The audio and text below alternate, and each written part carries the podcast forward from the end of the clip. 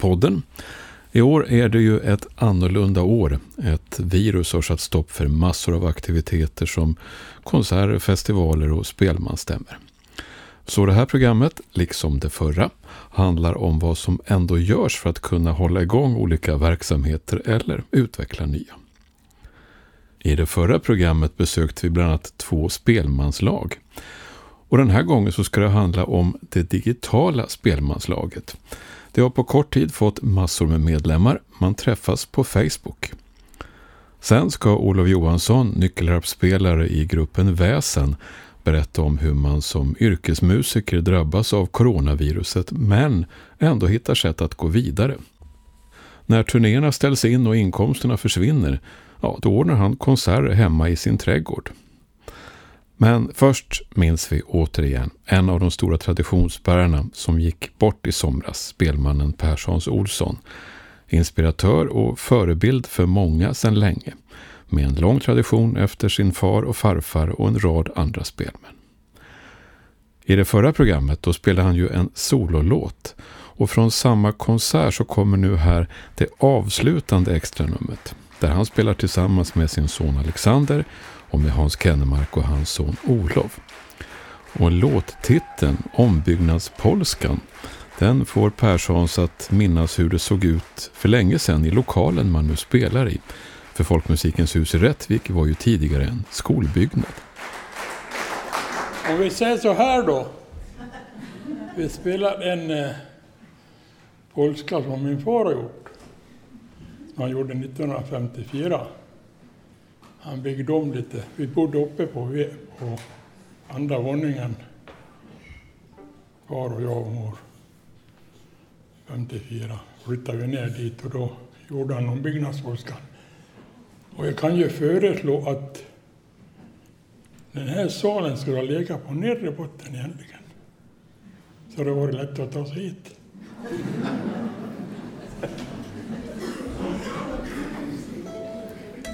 Det här var ju våran gymnastiksal när jag gick radskolan. Då var vi här.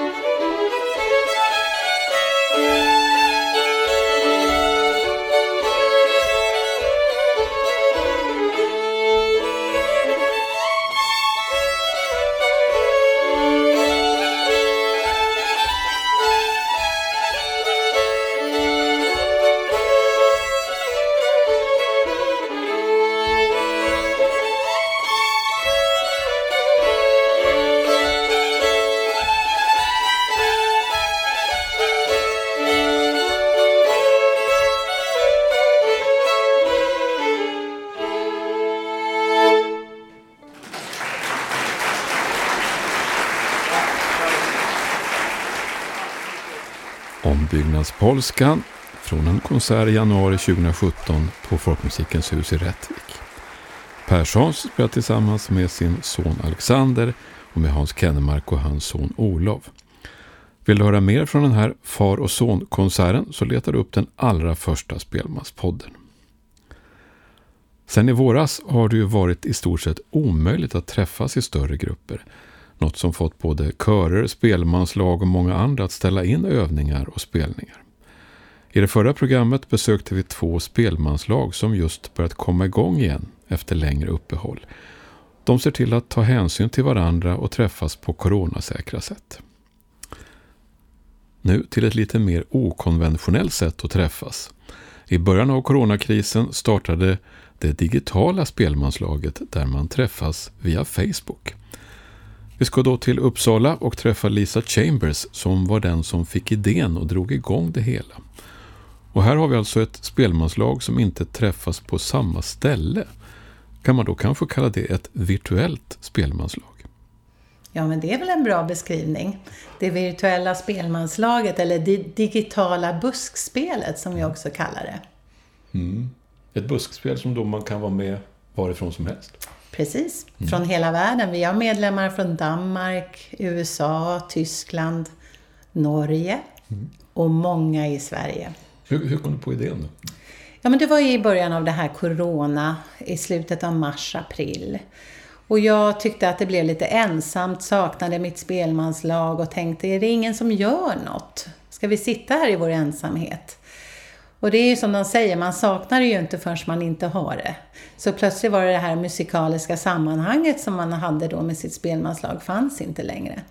Så då ringde jag runt lite grann och frågade, vad ska vi göra? Sen kom jag på idén att man skulle kunna skapa en Facebookgrupp där man skulle kunna dela med sig av låtar och få inspiration och också ett sammanhang i folkmusiken fortfarande och en gemenskap.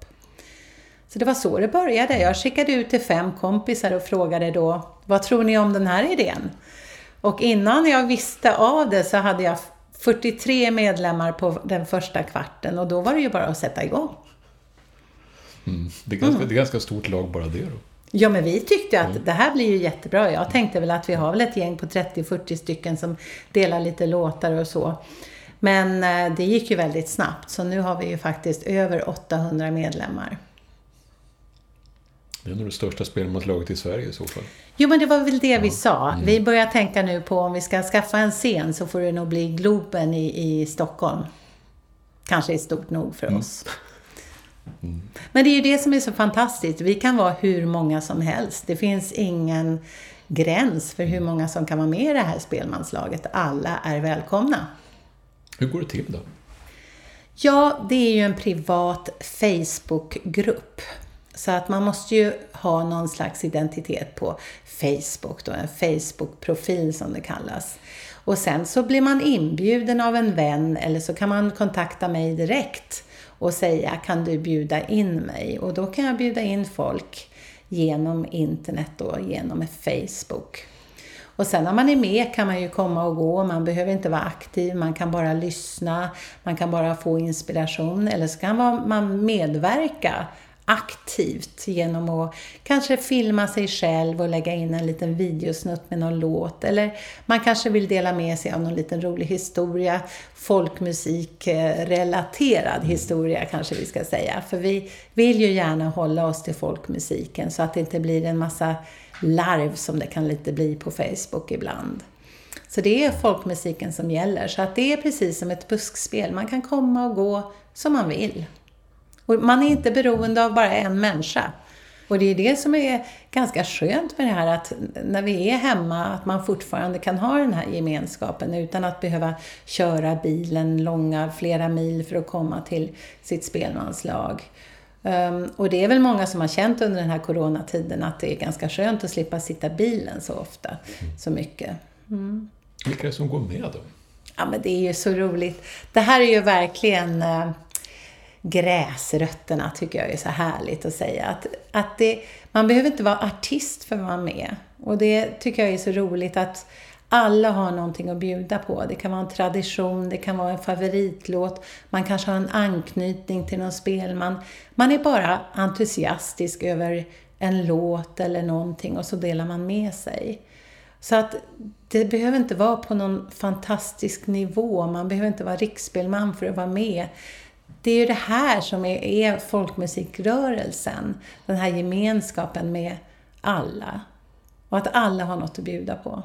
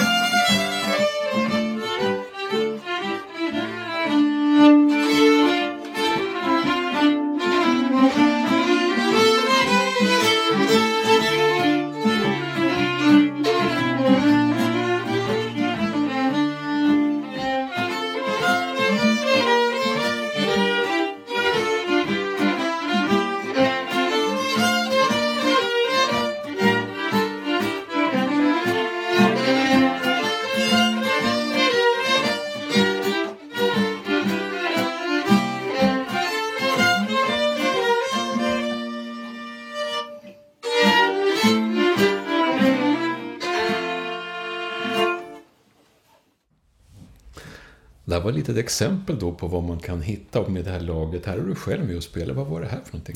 Ja, men här sitter vi ju på eh, coronaavstånd från varandra på en veranda utomhus. Och vi spelar Solpolskan av Janne Hemmingsson. Det är ju bröderna Hemmingsson från Östersund som är goda vänner till oss. Eh, och det är Janne som har gjort den här låten. Och eh, det här har ju faktiskt varit ett sätt som man fortfarande kan mötas eh, in real life.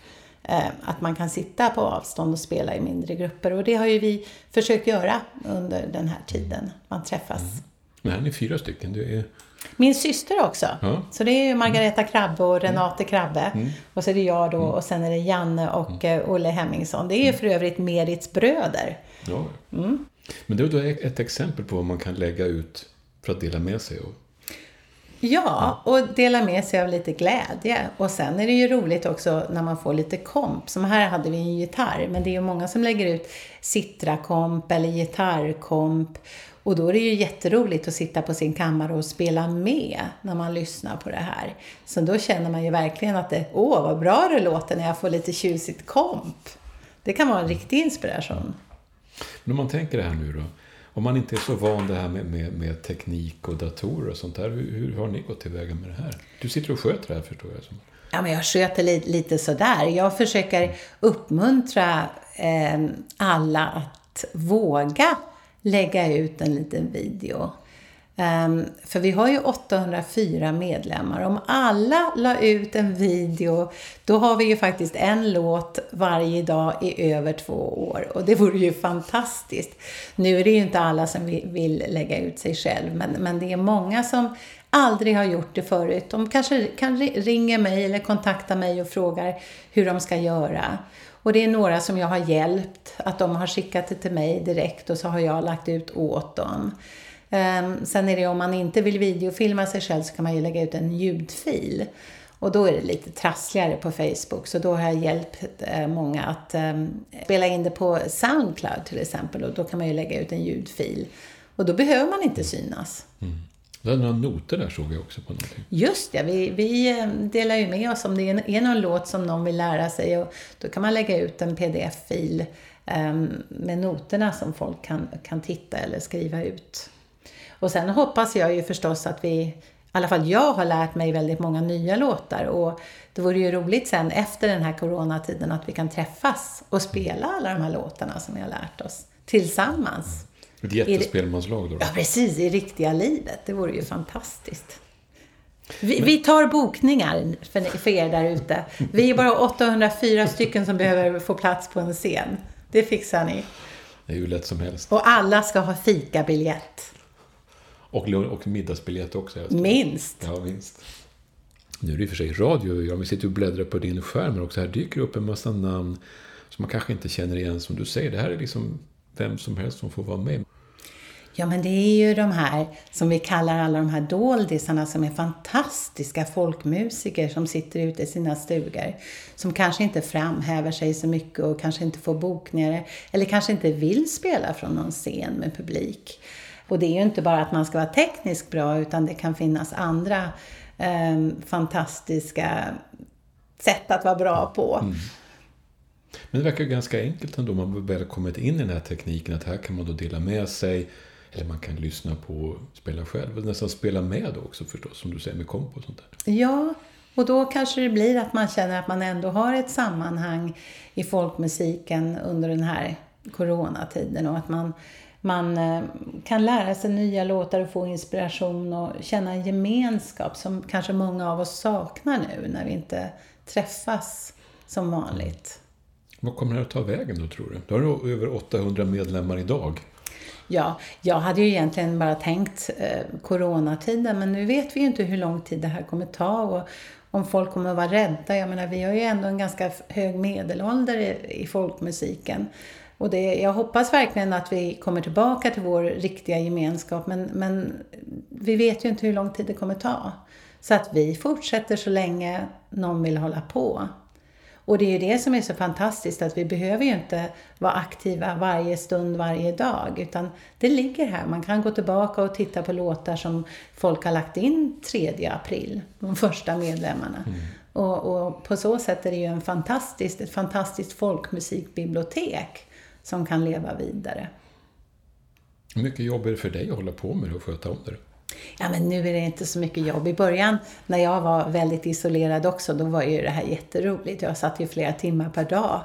Och det var så roligt att prata med folk igen, alltså genom det här digitala. Man skrev kommentarer och meddelade och sen kom det in folk som man kände, eller folk som man inte kände som man ville lära känna.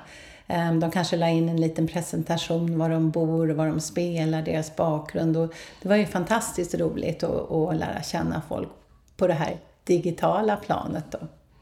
Men nu är det inte så mycket jobb längre. Man får väl hålla lite koll då, så folk inte lägger in någonting som är, kan vara kränkande eller opassande på annat sätt. Men jag måste säga att alla beter sig väldigt vänligt, positivt och uppmuntrande.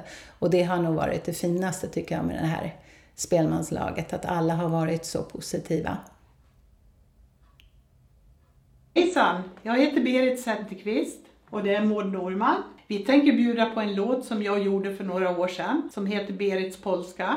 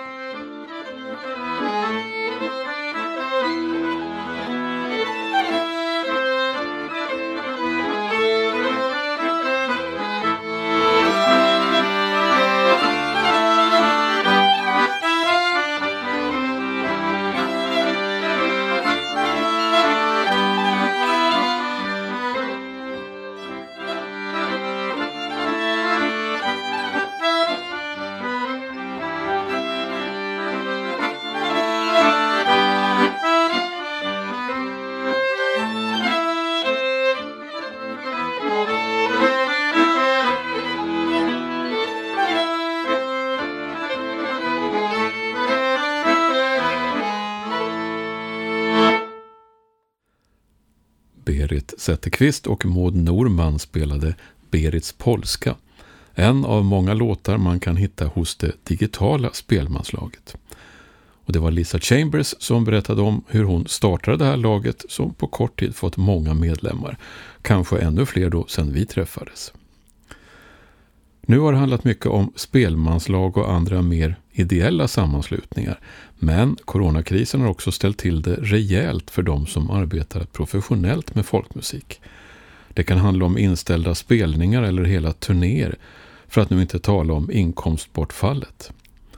I ett annat kök i Uppsala-trakten träffar jag Olof Johansson, sedan 30 år tillbaka nyckelharpsspelman i gruppen Väsen, en grupp som vanligtvis turnerar runt om i världen, men det här året liknar inte något annat. Ett mycket annorlunda år. Mm. Eh, och som började som man trodde att det skulle börja. Eh, vi var på en stor festival i USA, Wintergrass, i februari. Och sen skulle vi vidare på en Ehm, en fin festival som jag spelat tidigare på i Röros i Norge i början på mars. Innan vi skulle vidare på en turné i Danmark i slutet på mars och en USA-turné i april. Så det var mycket inbokat. Men när jag var på plats i Röros eh, några dagar innan festivalen för att göra, ett, eh, för att göra en inspelning där så fick jag reda på att smittskyddsläkaren i Röros, högsta ansvariga, hade på eget initiativ tagit beslut till att eh, inte köra eh, vinterfestspel i Röros. Så då blev det inget. Så du satt där bara? Då? Ja, då satt jag där och så skulle jag försöka ta mig hem. Och det var inte helt lätt. För när det, när det inte kom någon besökare till Röros och inga skulle därifrån. Så då, då flög man inte med planen. Så jag fick hoppa på eh, ett tåg. Och trassla mig ner till Oslo. Och fick sova en natt där för jag kom fram så sent. Och så gick ett plan hem. Och jag tror det var två dagar efteråt så stängde Norge gränserna mot Sverige. Så allt skedde. Och den här Danmarksturnén. Den ställdes in i de där dagarna. Sista dagen jag var i Röros. Och USA-turnén flyttade vi också. Då de där mm. dagarna. När jag Man kunde inte ens flyga dit här för mig några dagar sedan. Nej, för vi, vi tog ett ganska tidigt besked för amerikanerna. För de var fundersamma. Kommer ni inte? Ni må, då måste ni skriva ett brev och förklara för de som har köpt biljett varför ni inte kommer. Det här kommer att bli svårt för oss. Och så två dagar senare så sa Donald Trump att inga plan från Europa. Så vi behövde aldrig skriva något brev. Men det var en väldig omställning där för alla. För arrangörer, för artister, för publik. De, I mitten på mars där. Det var då allt skedde. Du hade ju en ganska fulltecknad kalender som ligger här. Men det verkar inte ha blivit om då. då. Nej, jag var tvungen att titta lite i den nu när vi pratade om. För att påminna mig om vad man skulle ha gjort egentligen. Eh, I början så flyttades det ju framåt kan man säga. De här USA-turnén flyttade vi till hösten men nu är ju höstturnén också flyttade framåt. Så att då måste man ju se det som inställt på ett sätt. För vi hade ju åkt vidare och turnerat året efter i vilket fall. Liksom. Och det har, ju, det har ju varit en stor omställning i huvudet ifrån att det här med att flytta fram, hur långt kommer det här att bli? Tills att nu har man insett att det här håller ju bara på. Mm. Och man vet inte riktigt framåt i tiden. Så man har, har ju fått anpassa sig till göra saker som man tycker är kul. Mm. för, för man har fått tid över. Um, sen har vi gjort en väldig massa, gissar jag, bokningsjobb och sånt här. Tagit kontakter och sånt och sen faller det också. Ja, jättemycket jag har lagt ner jättemycket administrativ tid under den här tiden. På att jaga pengar, återbetalning från alla flygbiljetter som var bokade. Ehm, SAS är fortfarande skyldig mig närmare 30 000 kronor. Och de har jag väntat på i sex månader nu. Ehm, och också styra upp med, med allt annat runt omkring som har med flyttade och inställda konserter att göra. Men sen nu under sommaren så har det eh, ändå kommit igång på något sätt med lite saker. Eh, Kent Wennman till exempel tog kontakt. Och han har ju varit inblandad i att driva konserterna på Parksnäckan i Uppsala. Mm. Sen är, länge? Ja, sen länge. Ja. Då ville han bolla en idé med mig. Eh, och undrade om, vad tycker ni? Ska vi inte försöka köra konserter med 50 personer? Vi kör två, två set per kväll som man byter publik för 50 personer i anslutning till Gula Villan. Som är en servering som han driver tillsammans med sina kompanjoner i, eh, de heter Kulturhjältarna. Eh, och jag tyckte det var en jättebra idé. Och jag försökte hjälpa honom så mycket som möjligt. Han sökte bidrag hos kommunen. Men fick inget bidrag. Eh, men han fick stöd från lite andra håll. En förening som heter Järnkoll fick han stöd från. Och några andra ställen. Och han gjorde en budget. Och jag vet att Jackie Sjödin också eh, peppade och stöttade honom väldigt mycket. Och jag skrev till kommunen att vara snälla och föra en dialog med Kent. Säg inte bara nej. Eh, och fick ett vänligt svar från dem att nu har vi dialog med Kent. Skrev de. Eh, så vi, vi lyckades hitta två datum där vi kunde spela med väsen då i Stadsparken i Uppsala. Och det var otroligt välordnat. Publiken kom lagom utspritt och stod i kö med avstånd och slussades in till sina platser av personal. Och, och sen spelade vi och fick möta riktig publik efter då man har, vi hade gjort lite sådana här livestreams. Mm. Eh, någon på våren och någon under sommaren. Och det var ju kul. Men det är ju inte det här mötet med publiken. Det, det blir en, i mångt och mycket en enriktad mm. kommunikation. Utan mm. feedbacken som man märker att man, att man lever på mm. som musiker. Och det fick vi nu. Nu fick man det här mötet med publiken. Och det var ju otroligt befriande. Och Men då var det en publik på, gissar jag, 50 personer max? Det var 50 personer. Det blev snabbt fullt mm. på de här konserterna.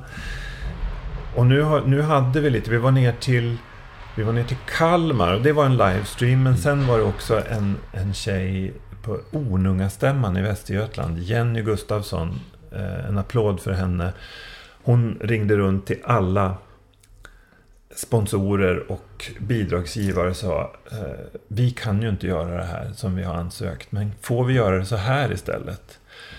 Och då behöll man konserterna och workshopsen och gjorde det som en blandning av online och med 50 personer. Så vi gjorde två drive-in konserter.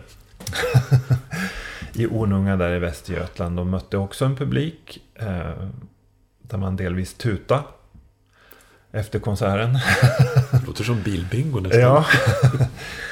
eh, och sen gjorde vi också workshops online ifrån då den miljön när de brukar ha sitt.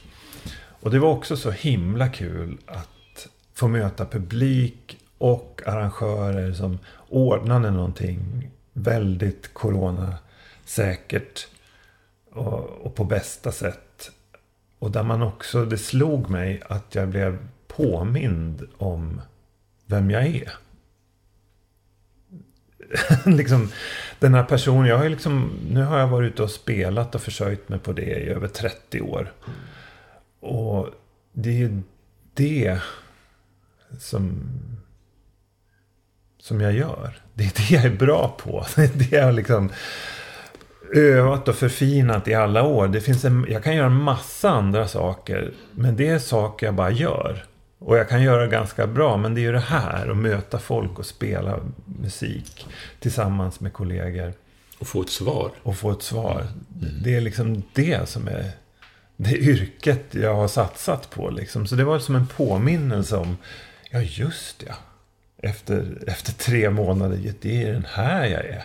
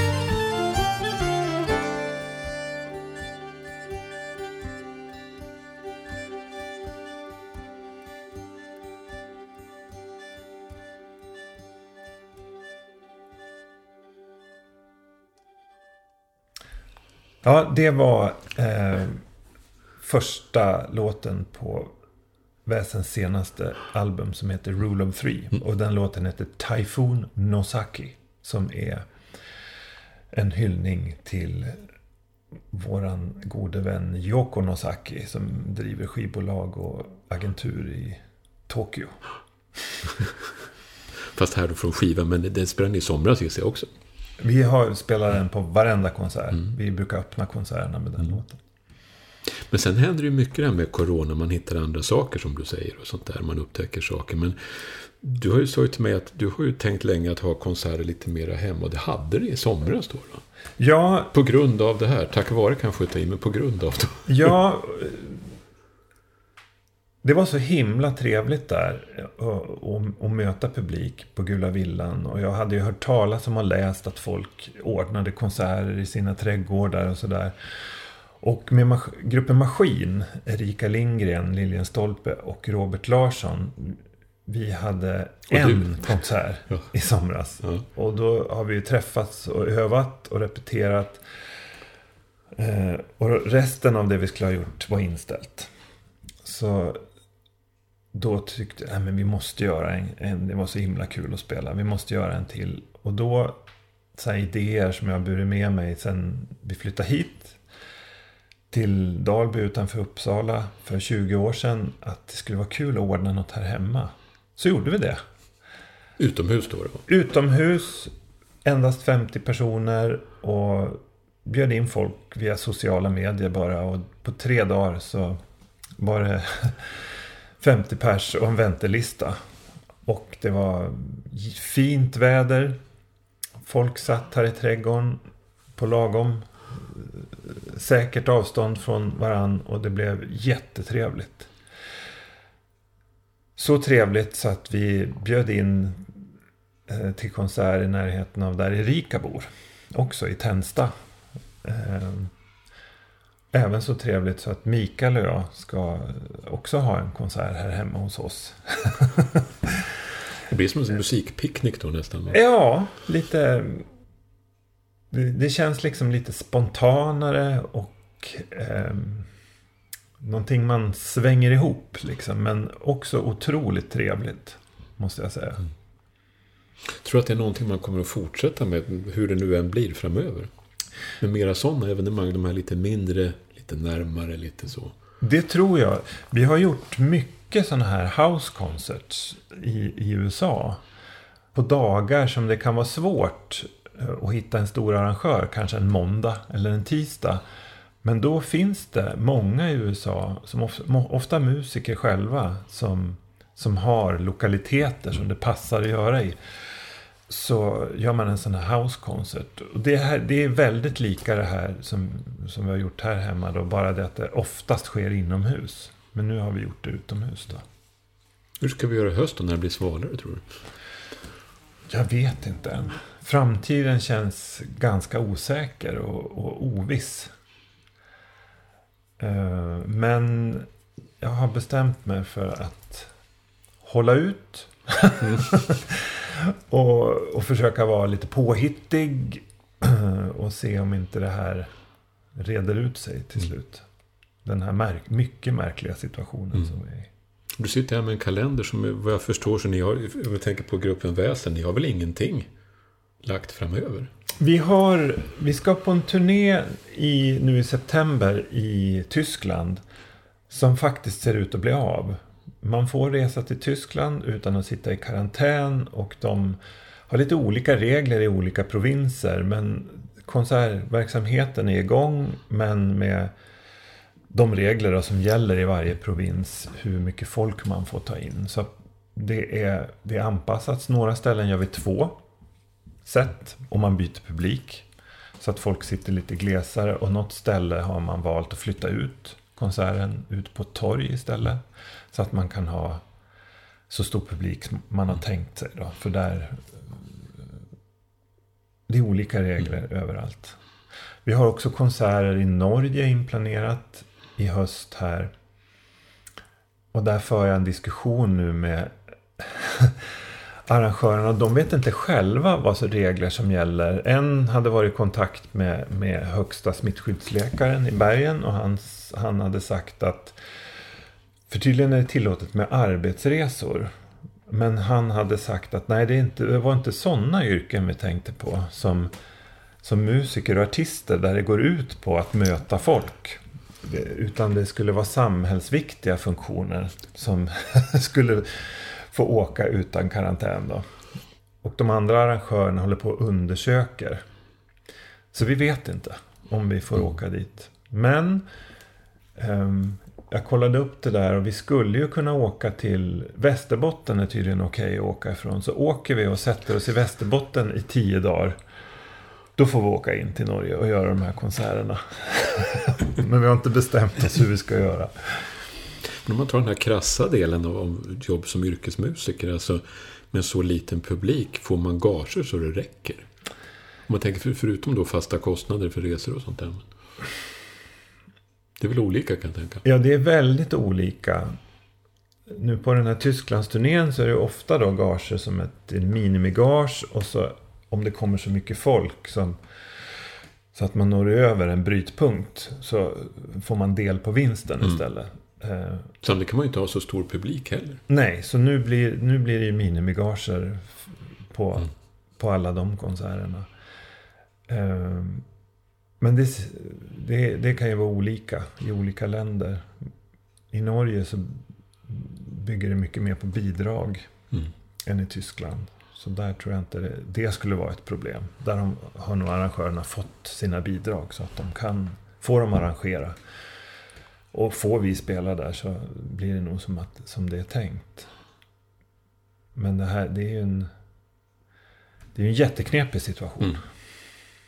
Men är det så att man kanske får tid för annat mitt uppe i alltihopa? Ja. Jag har eh, aldrig haft så framgångsrikt grönsaksland som i år.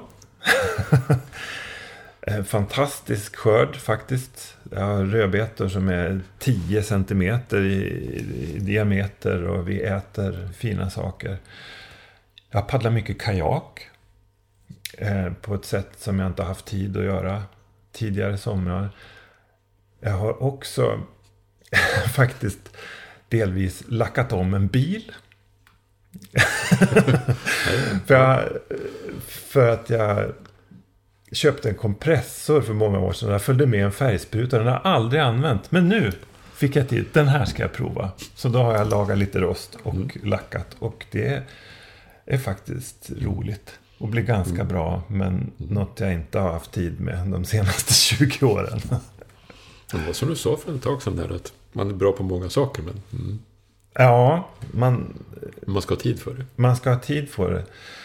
Tid för det Ehm, men sen, som jag sa efter de här när man har spelat för folk så är ja, men det är ju det här som jag har lagt, vikt mitt liv åt och verkligen odlat. Sen, sen kan man bli bra på många saker. Ändå. Sen har du en annan sida det här med att vara pedagog. Det har väl också varit ganska knepigt. Att få till olika kurser och sånt där tänker jag. Ja, flera kurser som jag skulle ha jobbat på i sommar eh, har ställts in. Men däremot så har jag haft en del, har jag gett privatlektioner eh, via Skype mm. till folk på olika platser i världen. Och det är inget som jag har sagt att jag gör, utan jag har bara tagit mig an folk som har varit modiga nog att höra av sig och fråga om det är möjligt. Men det har ju också varit en process att lära sig eh, att komma på hur man ska göra det på bästa sätt. Mm. Men sen var det faktiskt en kurs har blivit av och det var här nere i Belgien. Jag kom hem här för en vecka sedan. Och de ville verkligen genomföra det här och ordna det. Och eh, det var på ett konservatorium i i Belgien så skulle man ha sommarkurser. Man bantade ner det väldigt mycket. Det blev bara två instrument kvar. Av, det skulle vara många olika mm. instrument. Men det blev nyckelharpa och luta. Som, skulle, som blev av. Och man fick förhandla med myndigheterna om hur det skulle gå till. Och det blev max tio per grupp och man måste sitta på en och en halv meters avstånd från varann. Och man måste ha munskydd på sig. Och de här grupperna fick inte träffa varann. Så det var ju mycket speciella förutsättningar. Och jag visste inte om jag skulle kunna åka dit. Men sen visade det sig att jag skulle kunna åka dit. Och det var en surrealistisk resa. Att bara kliva in på Avlanda. Där det är nästan inga människor. Nästan inga affärer öppna. De som går omkring där inne har alla munskydd på sig. I någon slags internationell standard på flygplatser. var få människor på planet. Det var som att man var med i någon sån här dystopisk science fiction. Och att vi är inne i en pandemi blev jättetydligt. Men sen var det jättekul att ha den här kursen. Och folk var jättesugna på att spela tillsammans. Och var jätteglada för att jag, att jag verkligen kom. eh, och sen var jag också på ett till ställe i Belgien och hade workshop i två dagar för alla möjliga instrument och spelade en konsert. Eh, och det var en region i Belgien där det var mycket mindre smittspridning så där var det inte samma krav med munskydd och grejer. Men man försökte ändå hålla distans. Och dit fick också folk åka ifrån Holland till exempel. Första stället fick de inte åka utan att sitta i karantän på hemvägen. De skiljer på regionerna där så att säga. Ja, det är mer lokala regler. Och så är det tydligen i Tyskland också. Eh, men det var himla kul att åka ut och, och få göra det man är van att göra. Och träff, möta människor som är positiva och eh, som man får feedback ifrån. Och jag beundrar arrangörerna som jobbade så extra mycket för att det här skulle bli av. Bara för att man ville ändå göra någonting. Som du säger, det är en massa detaljer som man måste tänka på. Allt från munskydd och inte träffas och hålla isär och bara ordna mat och sånt där kan jag tänka mig. Ja, maten var också väl, väl, oerhört välordnat. Man fick in, ingen fick ta själv utan det var liksom, man serverades av folk som hade spritat sig noga och tagit på sig plasthandskar. Uh, och så, så gjorde de allting. Allt mm. serverades. Men sen, mm. sen när man gick ut på stan där, Mechelen. Så fort du satte dig på en restaurang. Då tog alla av sig munskydden. Okay. Och så beställer man dricka och så sitter man och dricker och äter och pratar och har trevligt. Och det var ett undantag liksom. Mm. De måste ju få leva, mm. restaurangen också. Det är den där anpassningen till alla och, olika situationer. Då. Och så hade de en streckkod på varje bord. Eller en sån här QR-kod. Mm. Eh, och så fick man fylla in blankett. När man satt vid ett bord så fick alla fylla i sitt namn och telefonnummer och e-post. Eh, och så kopplades till, till den här QR-koden. Och så registrerades det. Så, Vilka som hade varit vid vilket bord? Alltså. Ja, okay. vid ett visst tillfälle, visst klockslag. Och det här är en del av smittspårningen. Så det var otroligt seriöst. Något sånt har jag aldrig sett här i Sverige. Det, det sköts på olika sätt på olika ställen.